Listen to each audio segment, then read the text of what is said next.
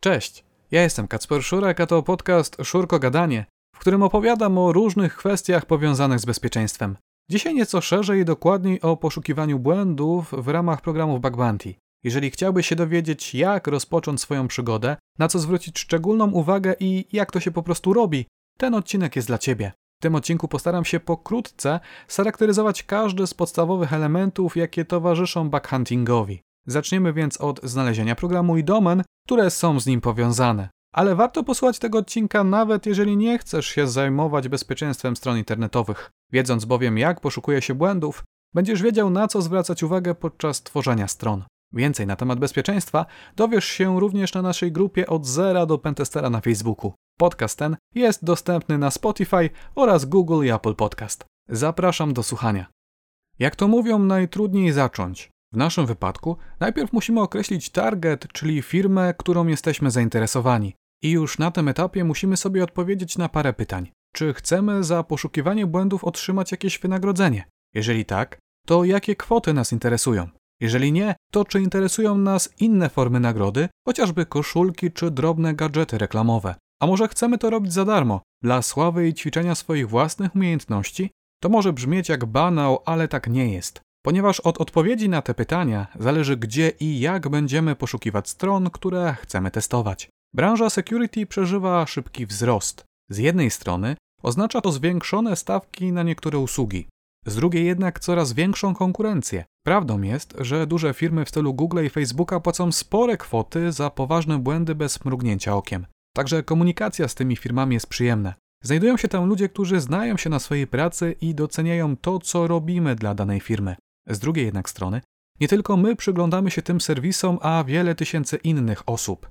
To oznacza, że próg wejścia jest dość spory. Tak naprawdę możemy zapomnieć o szkolnych błędach w stylu OWASP Top 10, bo jeżeli takowe istniały, to albo zostały znalezione przez wewnętrzne zespoły bezpieczeństwa, albo poprzez innych badaczy. Co więcej, jeżeli takie błędy nadal istnieją, to mogą to być tak zwane duplikaty. Można powiedzieć, że duplikaty to zmora dzisiejszych programów bug bounty.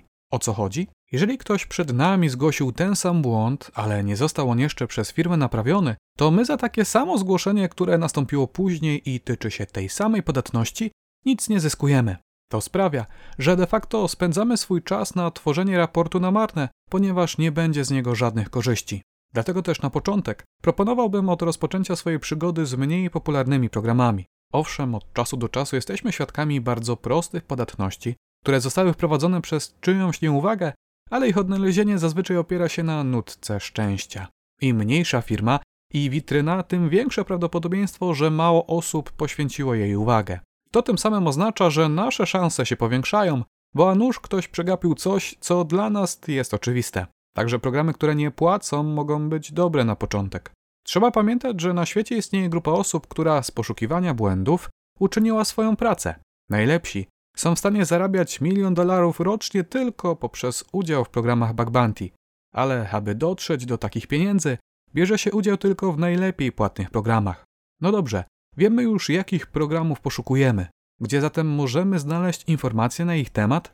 Obecnie istnieje przynajmniej kilka platform, które pośredniczą w poszukiwaniu błędów. Zamiast więc zgłaszać nasze znaleziska bezpośrednio do firmy przy pomocy chociażby adresu e-mail, Zapisujemy swój raport na stronie internetowej należącej do pośrednika. Dzięki temu wszystko jest przejrzyste i czytelne. Wszystkie nasze raporty do różnych firm znajdują się w jednym miejscu. Poza tym, pośrednik za swoje usługi popiera pewną opłatę. Jest więc szansa, że będzie nam w stanie pomóc, jeżeli firma stwierdzi, że nasz raport jest zły lub takowa podatność nie istnieje. Wystarczy więc wejść na stronę HackerOne czy też Bugcrowd i poszukać programu, który nas interesuje. Ale to nie jedyna możliwość. Często zdarza się, że firmy informują o możliwości wysyłania błędów bezpieczeństwa w formie odpowiedniej podstrony. Tam to informują potencjalnych badaczy, gdzie należy wysłać błąd, publikują swoje klucze GPG, a także wcześniejsze błędy, które zostały w taki sposób odnalezione. Można więc poszukiwać fraz powiązanych z tym tematem w Google w celu odnalezienia tego rodzaju witryn. Takie podejście ma jedną przewagę. Im łatwiej dany program znaleźć, tym więcej osób się nim najprawdopodobniej zainteresowało. No dobrze, Wiemy już, jak znaleźć firmę, którą chcielibyśmy się zająć. Pora na drugi ważny krok określenie zakresu badań, na jakie dana firma pozwala. Jest to tak zwany scope. Określa się w nim, jaki zakres adresów oraz domen może być przez nas atakowany. Czasami zdarza się, że firmy tworzą specjalne wersje środowisk z kopią danych dostępne jedynie dla badaczy. Chodzi o to, aby w przypadku odkrycia jakiejś podatności nie przerywać prawidłowego działania serwisu. Tutaj warto przyjrzeć się kilku konkretnym podpunktom. Za jakie błędy dana firma płaci? Praktycznie każdy program posiada listę wykluczeń, czyli błędów, które są znane, ale nie są traktowane przez daną spółkę jako błąd. Wszystko zależy od rodzaju serwisu, z jakim mamy do czynienia. Weźmy chociażby pod uwagę błąd Open Redirection. Polega on na tym, że użytkownik jest przekierowywany automatycznie na inną stronę, której domena zostaje zawarta w parametrze. Tego rodzaju podatność jest wykorzystywana głównie w atakach phishingowych. Zamiast bowiem złośliwej wiadomości e-mail podawać bezpośredni link do złej strony, można użyć podatności Open Redirection. Wtedy użytkownik widzi, że link należy do znanej strony, której ufa. Istnieje więc wyższe prawdopodobieństwo, że na nią wejdzie. Następnie zostanie automatycznie przekierowany do innej witryny, ale tego może już nie zauważyć. Błąd ten może być więc traktowany jako krytyczny w odniesieniu do witryn banków, ale równocześnie w zwykłym serwisie z wiadomościami może nie być traktowany jako błąd. Wszak taki serwis z założenia przekierowuje swoich użytkowników do wielu innych witryn. Tak bowiem działają serwisy z wiadomościami. Tutaj też definiuje się zakres domen, które mogą być testowane. W tym przypadku, z perspektywy pentestera, najlepszym kąskiem są domeny z tak zwanym wildcardem, czyli gwiazdką przed nazwą, chociażby gwiazdka.szurek.pl. Taki zapis oznacza bowiem, że można testować wszystkie strony w obrębie danej domeny. Możemy więc testować a.szurek.pl, b.szurek.pl i c.szurek.pl pomimo tego, że nie są one wpisane na liście. To jest istotne z jeszcze jednego powodu. Jeżeli nie istnieje z góry zdefiniowana lista domen, które można testować, ilość odnalezionych błędów jest zazwyczaj wprost proporcjonalna do ilości subdomen, jakie odnajdziemy. I tutaj przechodzimy do kolejnego punktu, czyli poszukiwania wszystkich subdomen, które zawierają się w danym zakresie. Jest na to przynajmniej kilka metod. Pierwsza, najprostsza, to skorzystanie z wyszukiwarek internetowych. Odpowiednio skonstruowane zapytanie z użyciem słowa kluczowego site mogą nam pomóc zwrócić wyniki tylko z konkretnych domen, które nas interesują. To podejście ma jednak jeden minus. Aby odnaleźć takie subdomeny, wyszukiwarka musiała wcześniej natrafić na ich ślad w internecie. To znaczy gdzieś musiał znajdować się publiczny link prowadzący do danej subdomeny. A przecież sporo subdomen może być wykorzystywanych wewnętrznie tylko w obrębie danej organizacji. A to właśnie takie witryny są najlepszym kąskiem dla pentesterów. Inną metodą jest zatem używanie Certificate Transparency Log.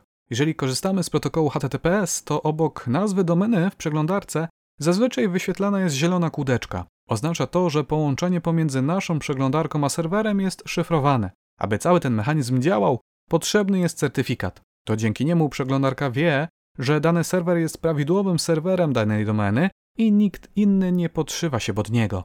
Takie certyfikaty wystawiane są przez zewnętrzne firmy, tak zwane urzędy certyfikacji. One to najpierw weryfikują, czy dany podmiot ma uprawnienia do korzystania z danej nazwy, a dopiero później wystawiają odpowiedni certyfikat. Wszystko opiera się zatem na zaufaniu, ale jak mówi znane przysłowie, ufaj, ale kontroluj. Dlatego też jakiś czas temu twórcy przeglądarek postanowili wprowadzić dodatkowy mechanizm logowania. Od tej pory każdy certyfikat wystawiony przez dany urząd certyfikacji jest zapisywany w odpowiednim logu, tak zwanym Certificate Transparency Log. Ten to log jest publicznie dostępny dla każdego i to właśnie z tego miejsca można pozyskać informacje na temat nowo wystawionych certyfikatów. A to niesie pewne niebezpieczeństwo.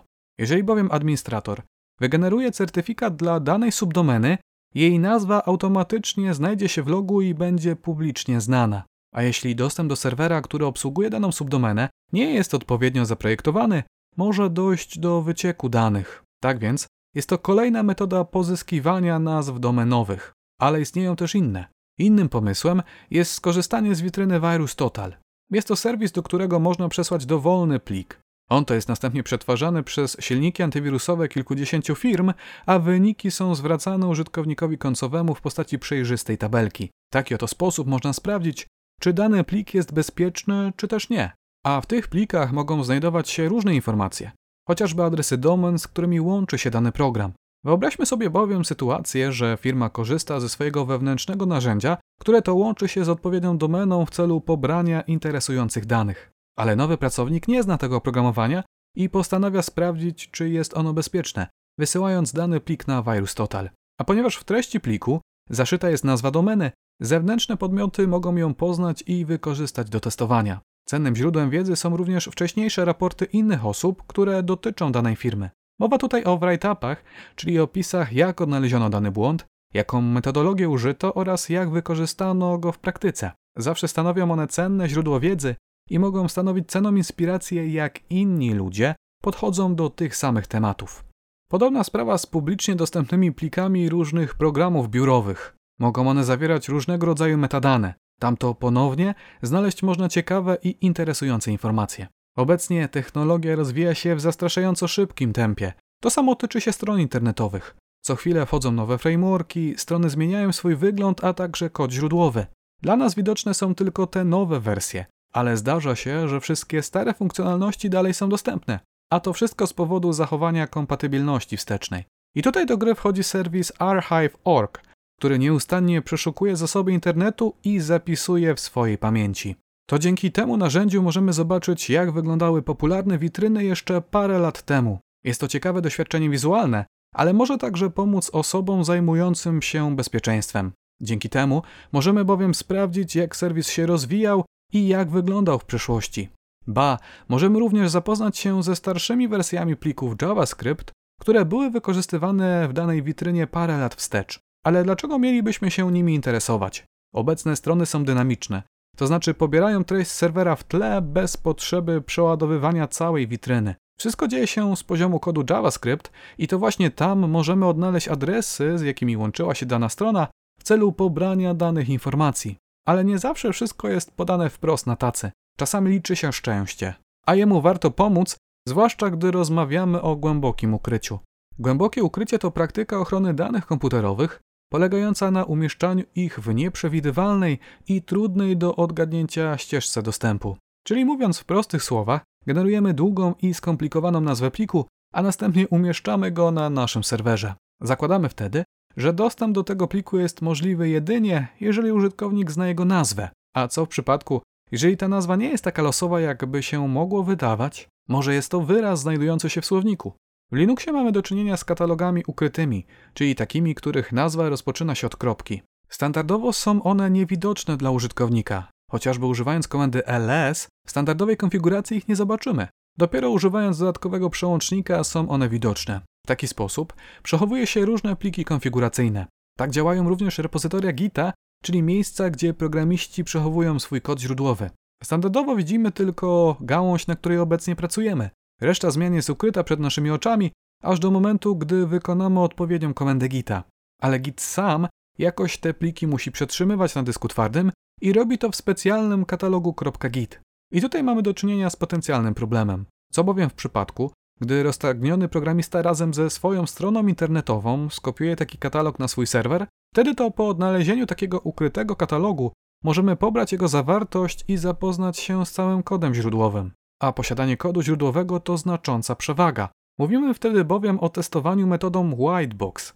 Takie podejście do testowania aplikacji ma znaczącą przewagę. Nie musimy już bowiem zgadywać, jak działa dana funkcjonalność i jakie parametry przyjmuje oraz co jest walidowane. Możemy to wyczytać wprost z kodu źródłowego. Jest to tym niebezpieczniejsze, że czasami w kodzie źródłowym mogą się znajdować sekretne klucze API do różnych serwisów. Teoretycznie są one tajne, ale posiadając kod źródłowy możemy je z łatwością z niego wyciągnąć i użyć w dalszych atakach. Ale repozytoria kodu źródłowego mogą się znajdować również na publicznie dostępnych serwisach, które pozwalają na ich przetrzymywanie, chociażby GitLab czy też GitHub. Zazwyczaj firmy przetrzymują swoje projekty jako prywatne, czyli dostępne tylko dla osób z danej organizacji, ale każdemu zdarzają się błędy w konfiguracji. Podobna sprawa tyczy się z serwerami Continuous Integration czy też backtrackerami. Teoretycznie są to narzędzia używane tylko wewnątrz firmy, ale to tylko teoria. Praktyka wygląda zupełnie inaczej. Weźmy chociażby pod uwagę serwer Jenkinsa. W pewnej specyficznej konfiguracji każdy użytkownik może wykonać dowolny kod Grooviego. Groovy to pewien specyficzny język skryptowy, a ponieważ jest to język, pozwala on na wykonanie praktycznie dowolnej funkcji, czyli wykonanie dowolnego kodu na serwerze Continuous Integration. A to jest bardzo niebezpieczne, Wszak w taki sposób możemy zmodyfikować pliki czy też pobrać hasło użytkowników. Teraz żyjemy w czasach chmury. Sporo firm nie używa zatem własnej infrastruktury i serwerów, a korzysta z zewnętrznych firm do przechowywania różnego rodzaju informacji. Tutaj ciekawym przykładem może być aplikacja Trello, służąca do zarządzania projektami. Jest ona popularna i używana przez wiele firm, co sprawia, że w serwisie tym znajduje się wiele potencjalnie tajnych danych. Swego czasu badacze zaczęli przeglądać zasoby tego serwisu w poszukiwaniu błędnie skonfigurowanych tzw. Tak boardów, czyli kawałków tablicy. Nagle okazało się, że sporo firm zapomniało ustawić odpowiednie ustawienia widoczności, co sprawiło, że mieliśmy dostęp do tych danych, a mogły to być chociażby loginy i hasła do jakichś wewnętrznych serwisów. To tylko pokazuje, że im więcej czasu poświęcimy na poszukiwanie wszystkich dostępnych informacji na temat danej firmy, tym teoretycznie lepsze rezultaty możemy uzyskać. Gdy wiemy już, jakimi domenami się zajmiemy, pora na poszukiwanie błędów. Na początku warto zarejestrować się w serwisie i po prostu się przez niego przeklikać. Podczas testów możemy mieć do czynienia z różnego rodzaju witrynami, począwszy od serwisów społecznościowych, a skończywszy na stronach powiązanych z finansami. Każda strona ma inną charakterystykę. Zapoznając się pokrótce jak działają, możemy mieć lepszy ogląd na to, co się tam dzieje, jakie dane przetwarzają i możemy spróbować zidentyfikować potencjalnie niebezpieczne miejsca i problemy. Weźmy chociażby pod uwagę sklep internetowy. Tutaj można się skupić na funkcji zakupów, chociażby kodów rabatowych. Tamto może dojść do ataku race condition, kiedy to dany kod da się wykorzystać dwa razy na jednym produkcie, sprawiając, iż jego cena będzie znacząco niższa od tej zakładanej. Następnie warto sprawdzić, jakiej technologii używa dana strona. Czy jest to jakiś znany skrypt, chociażby WordPress czy też Magento, a może jakiś customowy serwis napisany unikalnie dla tej firmy. To pytanie jest istotne, ponieważ darmowe oprogramowanie posiada błędy odnalezione przez innych badaczy. Czasami nie ma sensu tworzyć koła na nowo. Może administrator zapomniał zaktualizować dane oprogramowanie, co sprawia, że jest ono podatne na znane już ataki. Istotna jest też kwestia języka programowania, w którym stworzony jest dany serwis. Inaczej szuka się podatności w PHP, a inaczej w Rubim. Każdy język ma swoje specyficzne problemy, na których warto się skupić podczas poszukiwania błędów. Dalej, czy strona używa jakiegoś Web Application Firewalla? Jest to specjalne oprogramowanie, które filtruje parametry przekazywane do aplikacji. Mówiąc w prostych słowach, stara się wykryć takie ciągi znaków, które nie są prawidłowymi danymi od użytkownika, a stanowią część ataku. W takich przypadkach, nawet gdy odnajdziemy podatność, jej wykorzystanie w praktyce może być znacząco utrudnione. Chociaż z drugiej strony, jeżeli nie jest to znane rozwiązanie, a zbudowane własnymi siłami przez daną firmę, to może samo odnalezienie obejścia takiego WAFa może być liczone jako błąd w programie? Stworzenie dobrego narzędzia chroniącego przed wszystkimi atakami nie jest bowiem takie proste. I to już wszystko w tym odcinku. A jeżeli ten materiał Ci się spodobał, daj znać w komentarzu. Może pojawi się jego druga część, w której będziemy kontynuować temat poszukiwania błędów. A w międzyczasie zapraszam Cię do pozostawiania komentarza i oceny w aplikacji Apple Podcast. To bardzo pomaga i motywuje. Do zobaczenia w kolejnym odcinku. Cześć!